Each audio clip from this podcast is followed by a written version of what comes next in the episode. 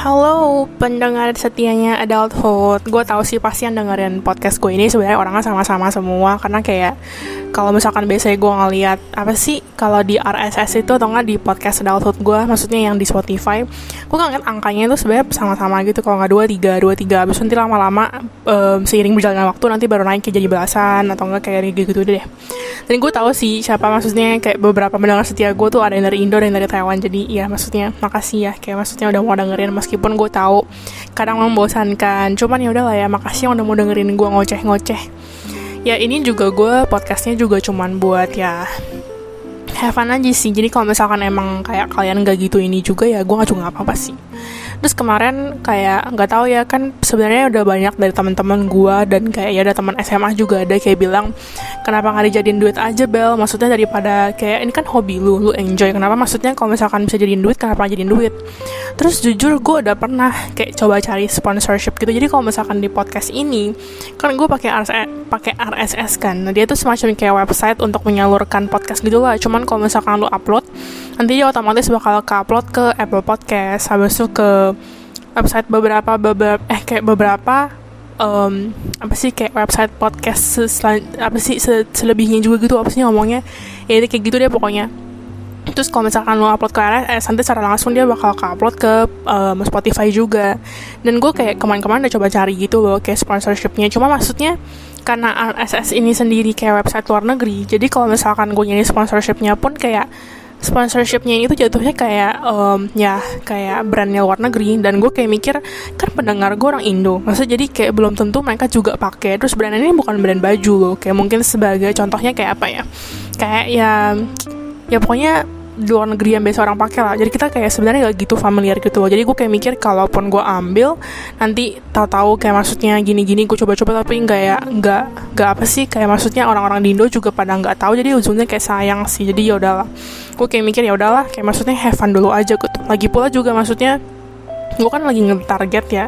Sekarang ini gue lagi rajin-rajin upload mungkin seminggu dua kali minimal gara-gara ya kayak ya gue kerjaannya juga lagi dikit kan. Habis itu gue belum masuk sekolah. Kalau udah masuk sekolah gue bakal masih bisa sih buat buat podcast. Cuman ya will see lah ya. Soalnya kan maksudnya kelas kelasnya gue juga kayak tiga hari deh. And then kerjanya kan malam. Nah gue nggak tahu kalau misalkan nanti dapat kerjaan baru ya mungkin pagi malam gue kerja gitu. Jadi ya kita lihat aja lah oke? Okay? oke okay, untuk topik um, hari ini kita bakal bahas sesuatu yang ada hubungannya dengan mental health lagi. Gue gak tau kenapa cuman sebenarnya mental health itu menurut gue itu tuh bener-bener seru ya pembahasannya. Sebenarnya kalau menurut gue pribadi gue paling demen itu kalau misalkan topik podcast gue tuh bahas tentang kayak yang ada hubungannya sama love. Ngerti gak sih? Karena jujur menurut gue pribadi kayak gue demen gitu yang berhubungan sama itu. Meskipun ya ya gue juga juga juga sini juga bego sih. Cuma maksud gue kayak seru aja gitu loh. Ngerti gak sih? Terus kayak mental health sebenarnya juga seru. Cuman gue lebih prefer kalau gue lebih ngomong tentang love gitu. Jadi kayak maksudnya dua-duanya seru ya kan? Cuma maksudnya kayak ya udah kayak ya udahlah intinya kayak gitu. Karena jujur gue tuh sebenarnya demen banget sama yang namanya psikologi. Meskipun gue bukan ambil psikologi. Cuman dulu sebenarnya gue sempat kepikiran mengambil psikologi. Cuman kalau misalkan itu di Indo karena gue juga kayak tadinya gue juga udah mikir kalau gue kuliah di Indo tadinya tuh gue mau ngambil psikologi kalau nggak diuntar di Atma gitu loh. Jadi tapi ujungnya nggak jadi. Karena gue kayak jadiin Indo kan last apa sih last choice gue kan. Eh tahu-tahu gue daftar Taiwan dua-duanya keterima. Jadi kayak ya udahlah gue di Taiwan gitu loh dan gue di Taiwan sendiri pun ada daftar di sekolah eh di Unisuci ya kalau kalian tahu Suci itu pokoknya yang budaya itu tau gak sih kalau yang di PIK itu kan sekolahnya. Nah di Taiwan tuh ada uninya dan gue tuh daftar, ada daftar jurusan psikologi gitu loh keterima. Cuman kayak gue gue kayak mikir kalau nanti gue masuk terus gue nggak nggak gue kuat ngikutin ujung-ujungnya gue kena deo kan gak lucu buang-buang duit. Jadi gue kayak mikir ya udahlah kita ambil jalur aman aja. Yang emang kayak I mean untuk beberapa tahun ke depannya nggak akan mati lah ya. Meskipun corona kayak gini mungkin parwit nggak se nggak se booming itu lagi ya. Cuma maksud gue kayak ya kan nggak bener-bener mati. Apalagi kalau misalnya masih dalam negeri sendiri kan masih oke okay kan. Jadi kayak gue mikir ya udahlah ya. Oke okay, so today we're going to talk about kita hari ini bakal ngomongin tentang ini nih. Um, gue tadi baru lihat sih di Instagram dan thanks lagi sumbernya ke um, ini nih psikologi kalau nggak salah ya. Iya pokoknya psikologi itu benar-benar menyelamatkan gue dalam pembahasan podcast gue jadi gue makasih banget sama psikologi. Dan pokoknya mulai podcast kemarin itu kalau gue ada sumber-sumber dari mana pun gue bakal nanti kayak cantumin gitu di description podcast gue biar maksudnya kalian juga bisa tahu secara singkatnya gitu loh. Sumbernya kali ini jadi dari psikologi lagi. Terus kita hanya pengen bahas bahal apa sih? Kita hanya pengen bahas hal-hal yang bisa bikin racun untuk kita sendiri untuk diri kita sendiri. Jadi kayak maksudnya pokoknya the things that are kayak the things atau traits gitu kali ya yang membuat kita toxic terhadap diri sendiri oke? Okay? kan kita jadi udah pernah bahas toxic parents toxic relationships habis itu toxic friendships. Pokoknya orang-orang toxic kan. Nah kali ini gue pengen bahas toxic ke diri kita sendiri. Kayak perlakuan apa aja sih? Kayak kita tuh kayak gimana sih yang bisa ujung-ujungnya ngebuat kita diri sendiri tuh, tuh kayak toxic gitu loh nah kayak gitu. Oke jadi um, pokoknya ya kita kan kita kan maksudnya di podcast ini gue udah beberapa kali ada ngomongin tentang kayak ya maksudnya self awareness gitu yang ada hubungan sama mental health gitu kan. Nah habis itu tapi gue kan belum pernah ngomongin tentang diri sendiri. Ya makanya kalau sekarang ini kali ini kita ngomongin tentang kayak ya pokoknya traits yang ada hubungannya sama kayak toxic influence dari kita sendiri gitu loh. Dan yang maksudnya kita ini disclaimer dulu ya gue tahu kayak maksudnya banyak banget orang di dunia ini tuh yang gak perfect. Dan gue sendiri juga gak perfect gue jauh dari perfect you know lah kalian tahu lah. Maksudnya bahkan orang tua sendiri kalian kayak orang tua kalian sendiri kok sendiri kalian sih? Ya ampun. Orang tua kalian sendiri habis itu kayak maksudnya saudara atau mungkin guru-guru bahkan juga nggak perfect. Ngerti gak sih? Namanya juga manusia. Manusia nggak mungkin perfect. Soalnya ya lu Tuhan aja sih ini kayak gitu. Nah habis itu tuh sebenarnya banyak banget aspek-aspek di dalam diri kita ya tuh dalam hidup kita tuh banyak banget yang sebenarnya kita bisa kayak um, improve mau itu kayak persahabatan atau mungkin relationship kita sama teman atau sama keluarga atau sama siapa pun itu. Atau mungkin kayak ya udah kayak um, lingkungan kerjaan juga bisa gitu loh. Dan maksudnya um, kayak hal-hal ini tuh nggak bisa dihindarin gitu dalam hidup kita. Maksudnya kita pasti bakal tetap ketemu sama orang-orang. Ya maksudnya itu kayak keluarga kita saudara kita atau pertemanan kita pokoknya semua itu pasti ada gitu loh ngerti gak sih?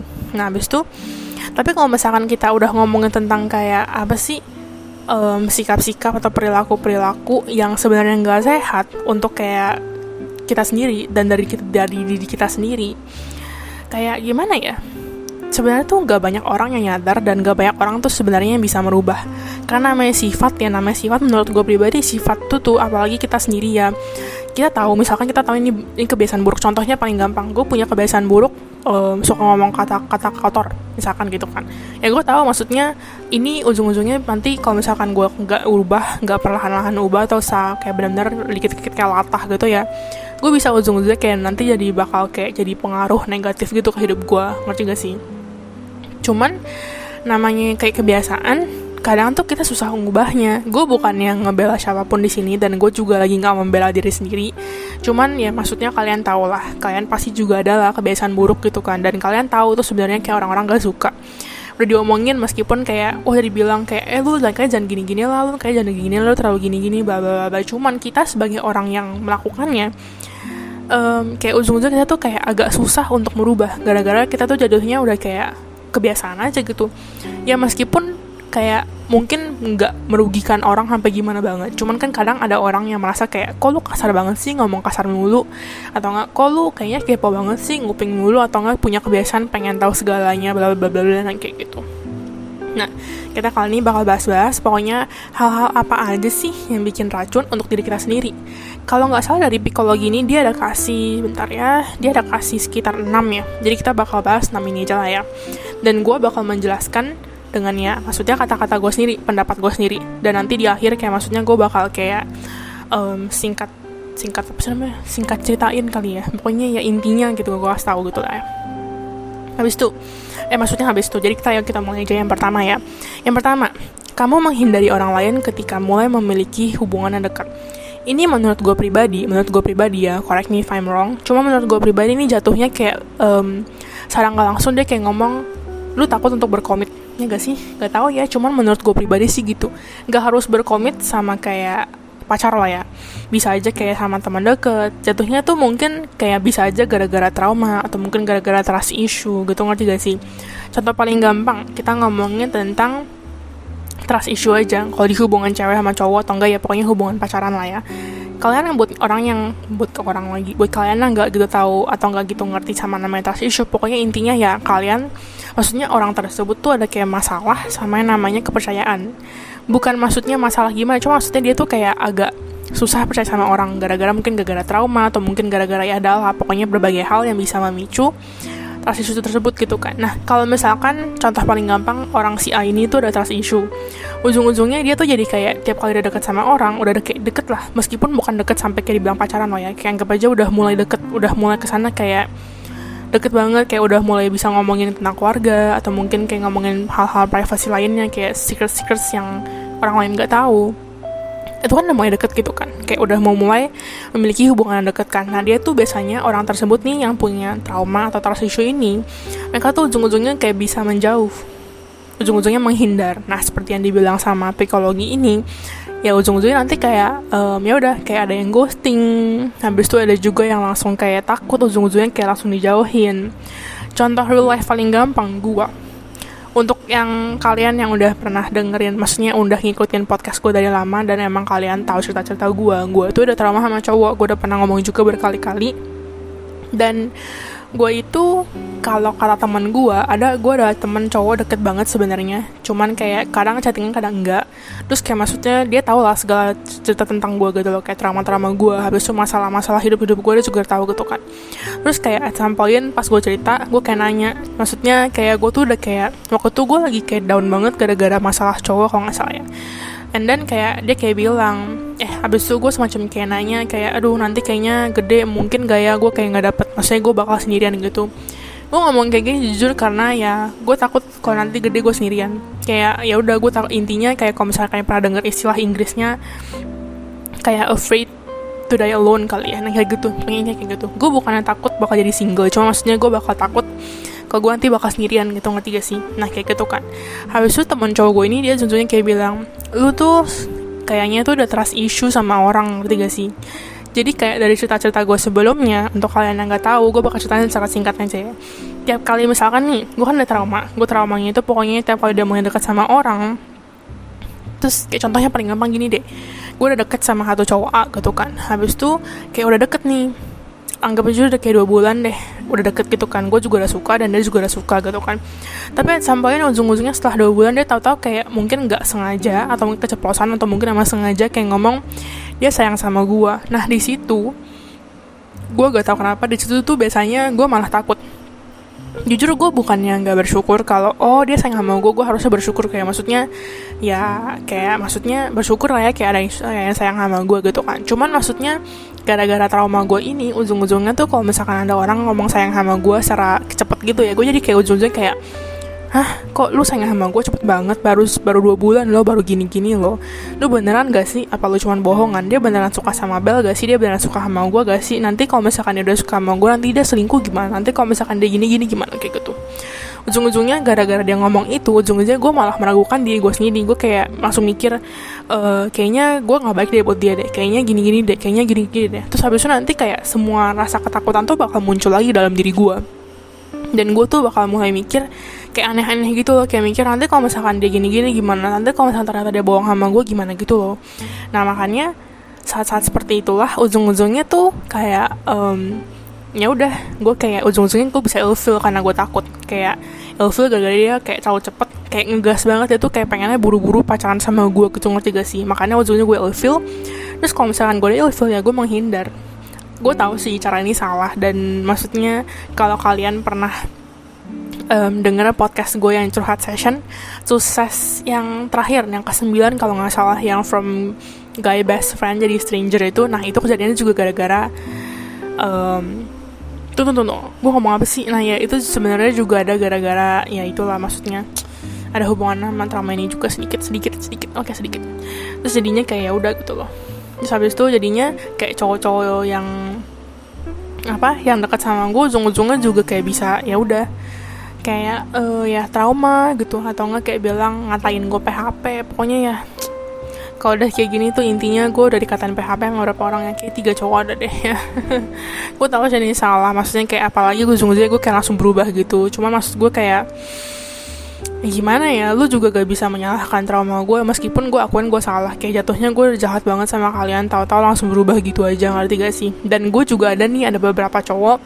Kan kalau buat kalian yang gak tahu gue tuh kan selalu temenan sama semua mantan gue ya. Dan kayak um, ada sekitar dua mantan gue atau tiga ujung-ujungnya kita chattingan lagi nih setelah putus. Kayak maksudnya gue kan biasa aja gitu kan.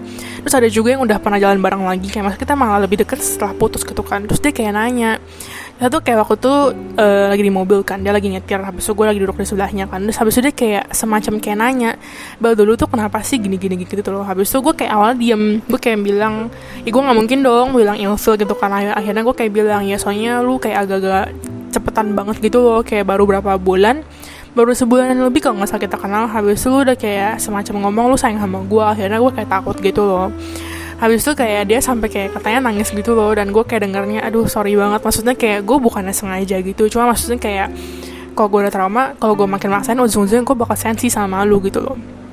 Dia kayak bilang dia kan waktu itu sampai nangis gitu kan gara-gara gue gituin gitu kan. Habis itu kayak at some point dia udah mulai berhasil move on nih udah mulai move on dari gue eh katanya habis itu gue tahu-tahu ngechat dia lagi gara-gara apa gue lupa. Habis itu dia kayak jadinya tuh kayak baper lagi gitu. Habis itu dia kayak bilang ke gue lu parah banget sih Bel. Gue waktu itu udah kayak move on tahu-tahu nama lu muncul lagi di HP gue akhirnya gue nggak jadi move on tau gak sih? Kayak gitu jir. Jadi ya maksudnya maaf ya untuk cowok yang bersangkutan cerita ini. Oke okay, maaf Oke, yang kedua untuk psikologi, wah udah 16 menit, oke kita percepat aja lah ya. Jadi yang kedua, nunda-nunda kerjaan hingga jadi stres sendiri begitu udah deket deadline. Ini tuh Inggrisnya, buat kalian yang nggak tahu, ini Inggrisnya itu procrast, procrastinate kah? Ya pokoknya prokrastinasi kah? Ya pokoknya itu deh. Gue nggak tahu indonya benar atau enggak cuman pokoknya procrastinate lah ya. Ini itu kebiasaan buruk yang kita tuh suka ba suka banget. Ngerti gak sih? Kayak untuk untuk apa sih? Anak-anak kuliahan. Maupun yang udah kerja pun deh tapi kerja harus enggak sih karena kan kerja ada deadline sendiri dan kalau misalkan kalian macam-macam sama bos kalian kalian kayak tuh kayaknya bisa dead deh. Jadi kok ini tuh gue lebih ngomong ke anak-anak SMA sama anak-anak kuliahan. Gue itu anaknya tuh males. Cuman gue tuh kerjain tugas kalau lagi mood benar-benar ada mood banget. Dan gue tuh tugas kerjain tugas ini tuh harus ada moodnya gue tipe orang kalau misalkan kayak waktu itu gue tugas gue kalau misalkan emang lagi niat gue nyicil. Cuman gue nggak pernah sih kerjainnya hamin satu nggak pernah. At least kayak paling paling parah itu hamin tiga gue udah mulai nyicil lah. Meskipun kayak nyicil mungkin cuma 10% ujung-ujungnya kayak jatuhnya gue ngerjain 70% di hari hamin satu. Cuma maksudnya itu sering nyicil gitu. Jadi kayak maksudnya gak bener-bener plong di hari hamin satu ini. Dan menurut gue pribadi ini juga kebiasaan buruk. Meskipun bukan hamin satu loh ya karena gue juga tahu ada temen gue yang demen tuh kerjain hamin satu. Ada malah benar-benar ada. Bahkan kayak dia tuh saking kayak cueknya gitu sama kuliahan. Dia tuh kayak benar-benar kayak apa-apa nggak tahu ini ini nggak tahu. Ujung-ujungnya kerjainnya semuanya selalu hamin satu. Dan menurut gue gue sendiri aja yang meskipun bukan kerjaan hamin satu menurut gue aja ini tuh udah kayak prokrastinasi yang benar-benar parah banget gitu loh. Dikit-dikit nunda kayak ah ntar aja lah lagi nggak ada moodnya ntar aja lah. Ujung-ujungnya kayak udah kan mundur mundur mundur mundur. Ujung-ujungnya nanti udah mau deket deadline malah nanti kita panik sendiri. Aduh gimana nih? Aduh gimana nih? Dan gini ya ini tuh tips gue um, kan tadi gue udah bilang di awal kalau misalkan gue tuh kerjain tugas tuh ada moodnya. Kayak contoh paling gampang gue pas tahun pertama itu ada satu kelas Inggris kan. Terus kayak maksudnya guru ini tuh suka banget suruh kita kayak kerjain kayak tugas tapi tugasnya tuh buat esai gue jujur gue tuh demen banget kerjain esai gitu ya. Cuman tuh um, esai yang gue buat ini tuh kalau misalkan gue kerjain esai gue tuh benar-benar mikirnya tuh harus keras banget. Karena gue benar-benar harus fokus. Jadi kalau misalkan gue lagi nggak ada mood lagi kayak otaknya lagi kayak banyak beban pikiran gue gak akan bisa kerjain. Makanya biasanya esai esai ini gue tuh kerjain at least minggu, seminggu sebelumnya. Atau enggak empat hari sebelumnya gue udah mulai kerjain.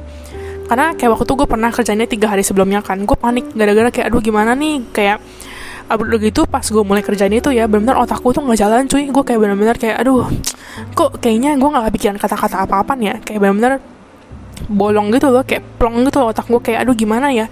Karena kalau misalkan kalian tahu esai itu kan pembukaannya harus bagus ya. Kayak mau esai Inggris mau esai Indo pokoknya kan pembukaannya kalau nggak menarik orang-orang jadi kayak bacanya kayak ah apaan sih nih? Esai kok nggak jelas banget ngerti gak sih? Jadi itu esainya harus kayak misalkan contohnya tentang apa ya? Contohnya tentang kayak um, um, apa ya contohnya kayak apa ya online class deh online class. Pembukaannya contohnya misalkan kayak harus menarik dikit tau gak sih? Kayak misalkan kayak um, kata online class pasti udah nggak udah nggak apa sih namanya udah nggak unfamiliar maksudnya apa sih? Udah nggak mu kayak udah familiar lah di telinga telinga kita. Nah pasti kalau misalnya kayak gitu kan lebih kayak esek didengar gitu karena kata-kata pembukanya itu kayak paragraf pembukanya itu gue mikirnya tuh lama banget sumpah. Jadi kayak waktu itu gue pernah kerjainnya hamin tiga gitu kan. Habis itu kayak pas hamin tiga ini gue kerjainnya malam. Atau hamin dua singkat gue hamin dua deh gue kerjainnya malam. Terus gue kayak mati lah kayak bener otak gue gak jalan sama sekali. Akhirnya gue kayak panik. Gue kayak aduh gimana nih? Gue udah harus kumpul besok malam gitu kan terus besok paginya gue akhirnya bangun pagi abis itu gue coba kerjain lagi tetap gak bisa cuy. Tapi akhirnya gue kayak paksain gara-gara kayak mati lah atau nggak tar, tar malam gue nggak bisa ngumpulin gitu kan. Akhirnya gue coba coba coba coba bisa ujung-ujungnya dapet. Cuman kayak jatuhnya malah lama banget ujungnya gue kerjain depan laptop tuh kayak 6 jam padahal tuh kayak cuman esai satu halaman doang ngerti gak sih? Terus habis itu juga kayak um, waktu itu gue pernah kan kalau misalkan kalian juga ikutin podcast gue gue udah pernah bilang kalau gue tuh udah freelance di fast work freelance itu pokoknya intinya gue ngebuatin esai esai Inggris gitu. Jadi kayak jatuhnya kayak joki esai Inggris lah untuk anak kuliahan sama ya untuk anak-anak SMA lah ya. Habis itu kayak gue waktu itu gue pernah dapet job jobnya ini tuh pokoknya kerjaannya ini tuh kayak buat bahasa Inggris jelas tapi kayak deadline tuh semingguan gitu loh. Terus gue tuh awalnya malas-malas banget. Cuman tuh sebenarnya kayak gimana ya sebenarnya gue tahu kerjaan ini susah. Gara-gara tuh esainya agak banyak. Sebenarnya dia kayak bilang dia mau minimal seribu kata and then kayak gue tuh kayak masih santuy aja kayak masih mikir ah masih lama ah masih lama.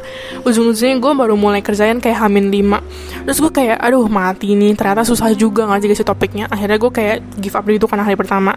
Hamin empat gue kerjain lagi ujung-ujungnya kayak masih panik gara-gara kayak kok kayaknya otak gue nggak jalan? Kayak maksudnya kental banget kayak nggak jalan sama sekali gitu loh ujung-ujungnya kayak ya udah gue coba-coba cari-cari di Google kayak aduh kayak maksudnya inspirasi inspirasi baru deh kayak muncul. Cuman jatuhnya tuh kayak nggak tenang.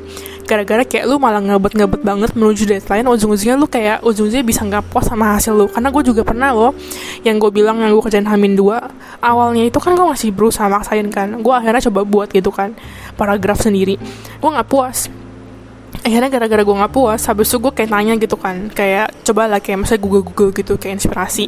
Ujungnya gara-gara gue nggak puas kalian tahu gue hapus semuanya gue buat ulang. Gara-gara kayak ya nggak puas. Karena gue kayak tadinya tuh kerjain based on ya ngejar-ngejar deadline jadi itu kayak nggak full kayak nggak puas aja gitu baca yang ngerti gak sih? Nah kayak gitu ini prokrastinasi itu sebenarnya benar-benar kebiasaan kecil yang terdengar sepele tapi sebenarnya buruk banget.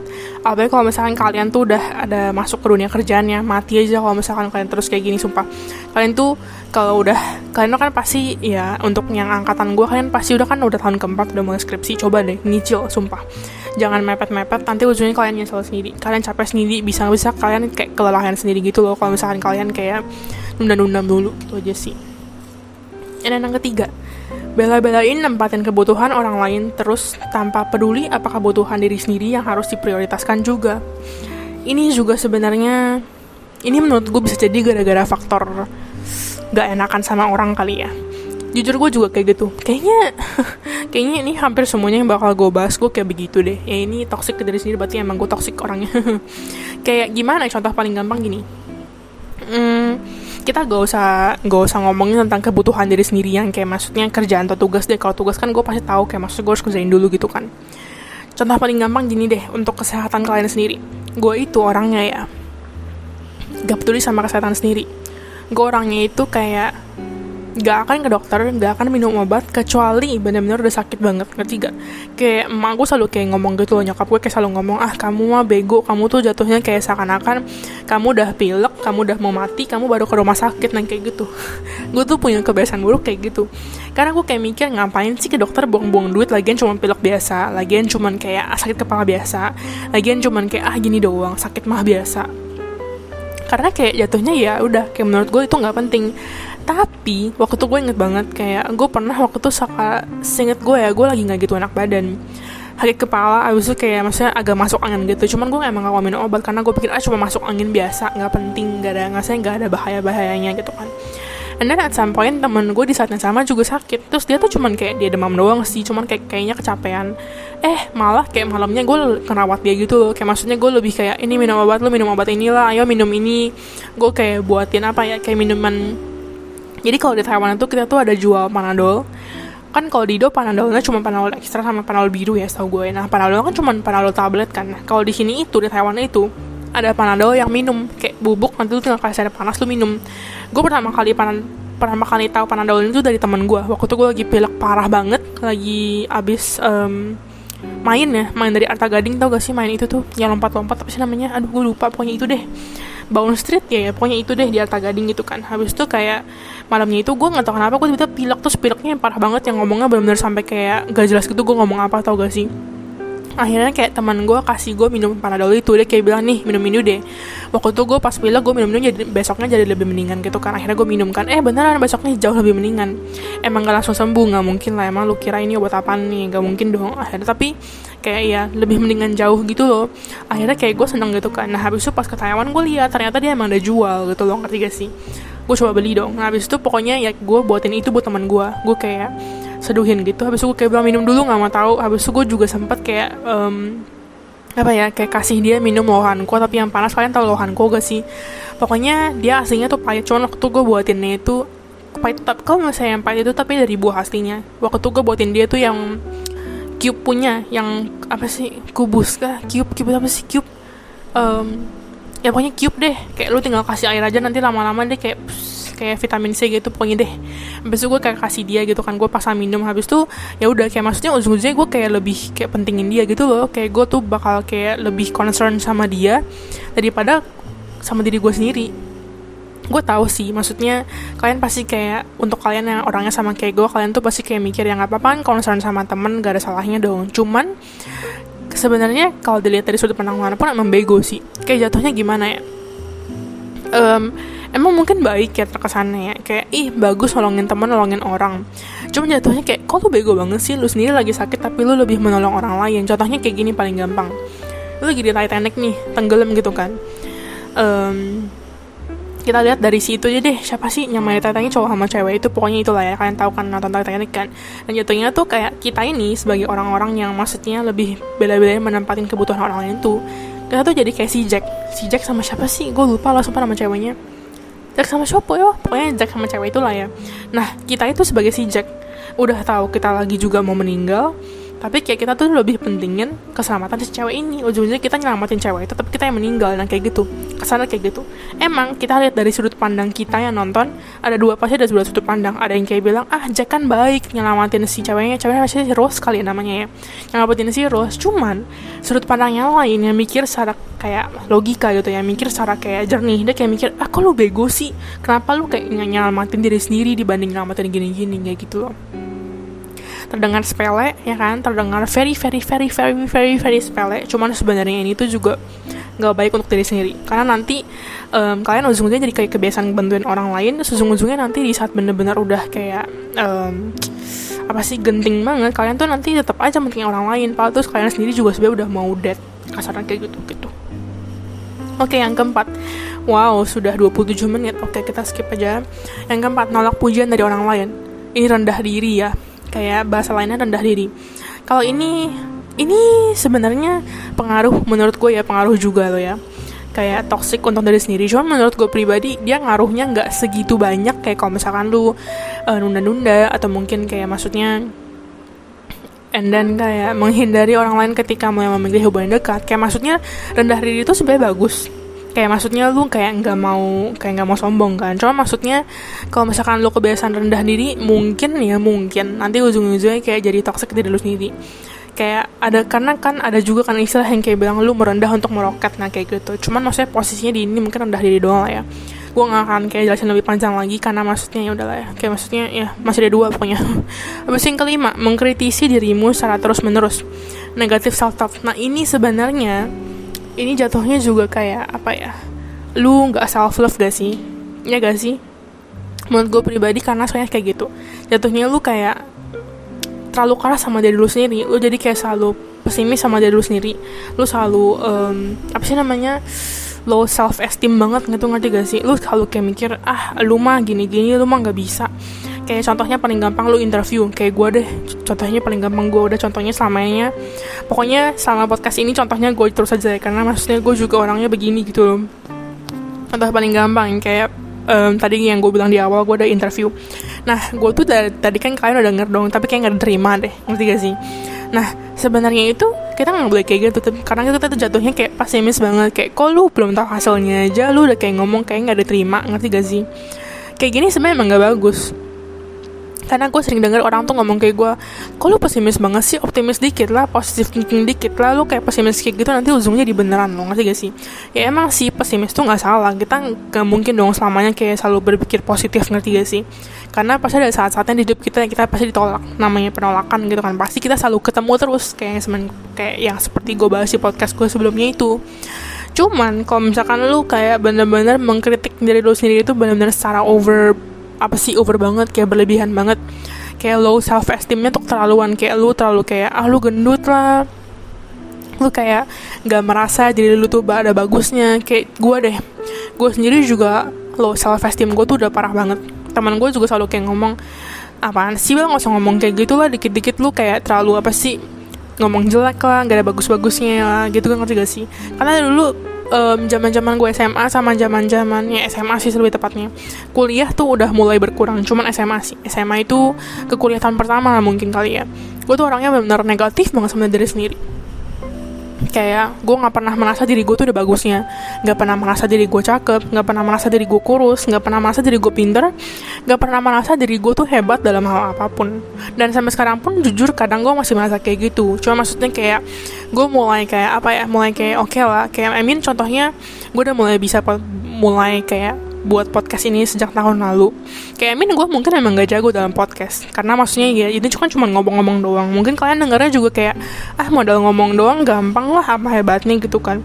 Cuman kayak maksudnya jujur menurut gue pribadi podcast ini tuh salah satu hal yang gue banggain dari hidup gue gitu loh. Meskipun ini gak menghasilkan duit tapi kayak maksudnya um, dengan podcast gue yang bener-bener kayak awalnya gue cuma have fun doang sampai sekarang gue masih bisa lanjutin sampai sekarang maksudnya teman-teman gue juga yang masih dengerin. Dan ada gue yakin di luar sana ada orang lain yang stranger pun yang dengerin podcast gue dan kayak podcast gue ujung-ujungnya udah kayak merich kayak 32 followers gitu. Thank you so much yang udah mau follow gue. Kayak maksudnya itu kayak suatu achievement menurut gue pribadi loh ya. Meskipun emang gak menguntungkan gue gimana banget. Cuman bagi gue yang suka ngomong orangnya dan emang kayak gue sendiri orangnya bawel dan dan kayak ya emang itu hobi gue gitu kan ngomong gitu kan. Kadang tuh ujungnya kayak ngebantu. Habis itu kayak maksudnya jatuhnya kayak aku jadi jadi kayak lebih bangga sama diri gue sendiri. Oke kayak maksudnya gue ada podcast gue bangga. Ya meskipun emang gak bisa untuk kayak ya gue tahu kayak masa podcast gue ini gak mungkin ujung-ujungnya bisa jadi kayak nafkahin gue hidup tuh gimana. Cuma maksudnya kayak at least adalah di, di hidup gue ada satu hal gitu yang gue banggain ngerti gak sih? Dan gue yakin ya gue yakin meskipun sampai sekarang pun gue juga gue kan nggak tahu talenta gue apa. Gue nggak ada banget nggak ada talenta. Gue nggak bisa kayak melakukan satu hal pun menurut gue tuh kayak bener-bener kayak ih keren banget. Kayak teman gue misalkan ada yang jago main gitar gue nggak bisa kayak gitu.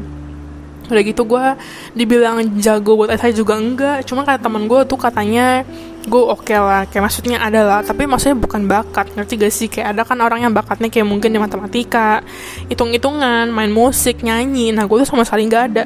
Jadi sampai sekarang pun gue tuh bener-bener kayak masih merasa gue tuh gak ada apa-apanya masih biasa aja. Cuman gue yakin setiap orang dari kita ya masing-masing kita pasti ada satu hal satu hal yang kayak maksudnya yang atas kita banggain. Meskipun itu bukan bakat atau talenta kita gue yakin beneran deh. Karena dulu gue juga selalu kayak merasa gue gak ada bakat coy. Maksudnya kayak gue bahkan gak tahu bakat talenta gue ada apaan gitu loh. Gue kayak nggak merasa gue tuh ada lebih lebihnya dibanding manusia manusia biasa. Kayak gue ngeliat teman-teman gue kok kayaknya enak banget suaranya dia bagus. Habis itu kayak maksudnya bisa gitar bisa nyanyi bisa main piano bisa main keyboard bisa bla bla bla cuma gue sendiri tuh nggak bisa apa-apa gitu loh.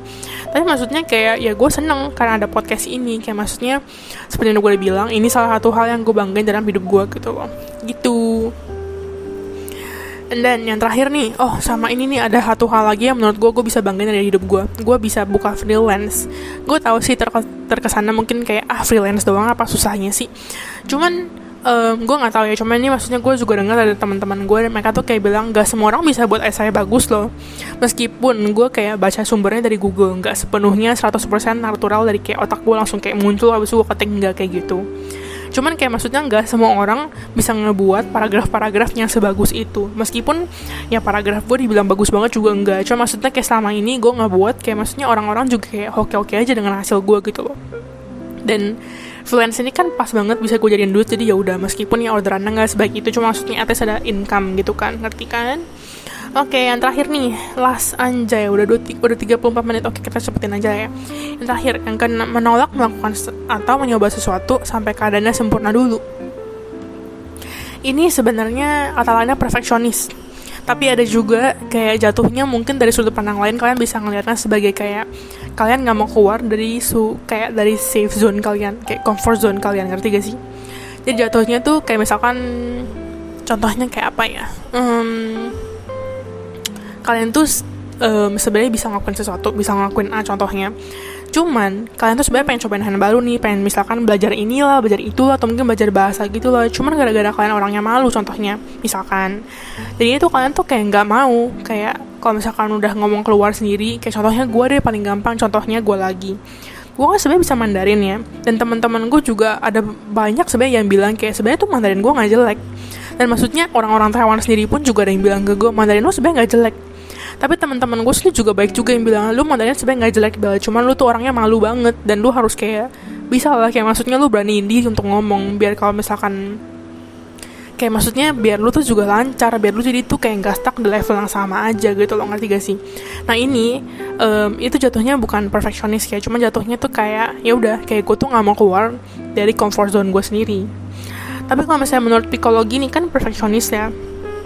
Hmm, kalau perfeksionis tuh kalau di ide gue sendiri ya. Gue nggak kayak menurut gue pribadi penjelasan psikologi ini menurut perfeksionis dengan kayak maksudnya yang dia bilang kayak menolak melakukan atau nyoba sesuatu sampai keadaan sempurna dulu menurut gue ini tuh gak gak dibilang perfeksionis banget sih. Karena menurut gue pribadi menurut gue pribadi loh ya kayak maksudnya yang selama ini gue kayak tangkep dari yang kata-kata perfeksionis tuh jadi kayak gini.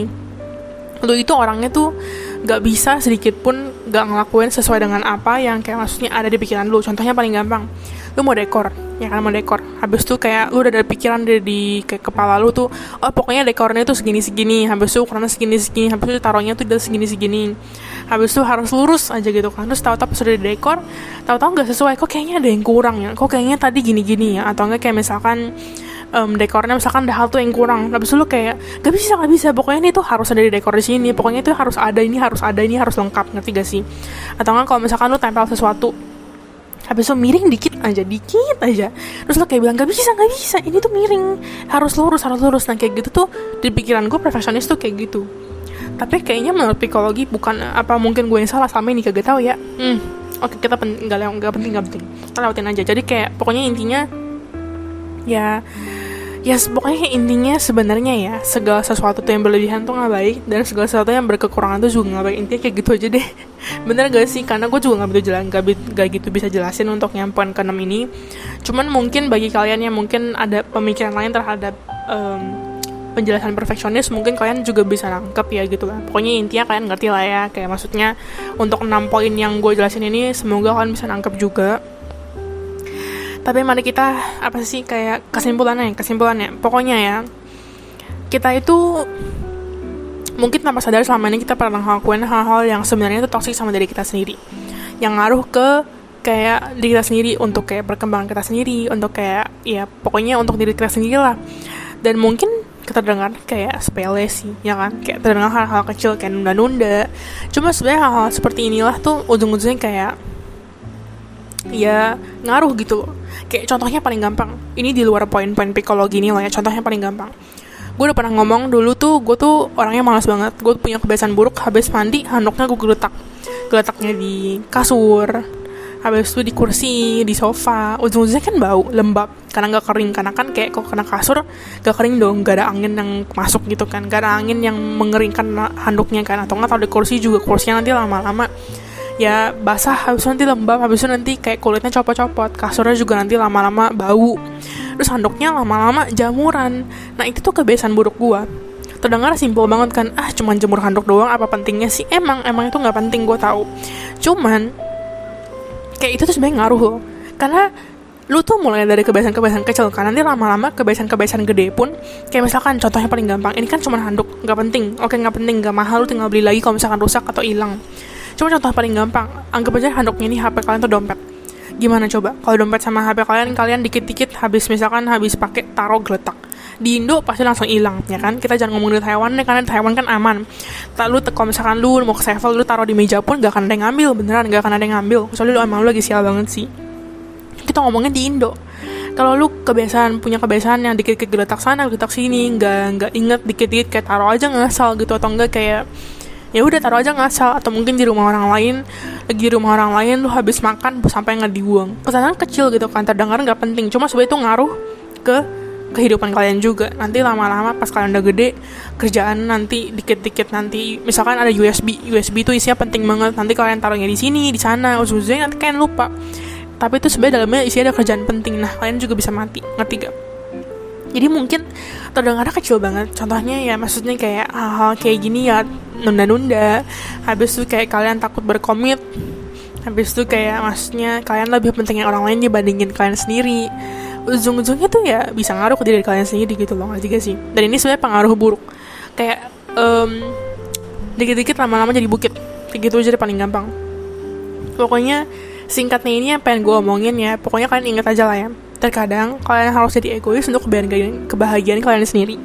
Yang kedua segala sesuatu yang berlebihan itu gak ada yang baik ataupun yang berkekurangan. Pokoknya segala sesuatu yang lebih atau nggak kurang gak ada yang bagus. Oke cocoknya tuh pas aja gitu jangan berlebihan jangan kekurangan.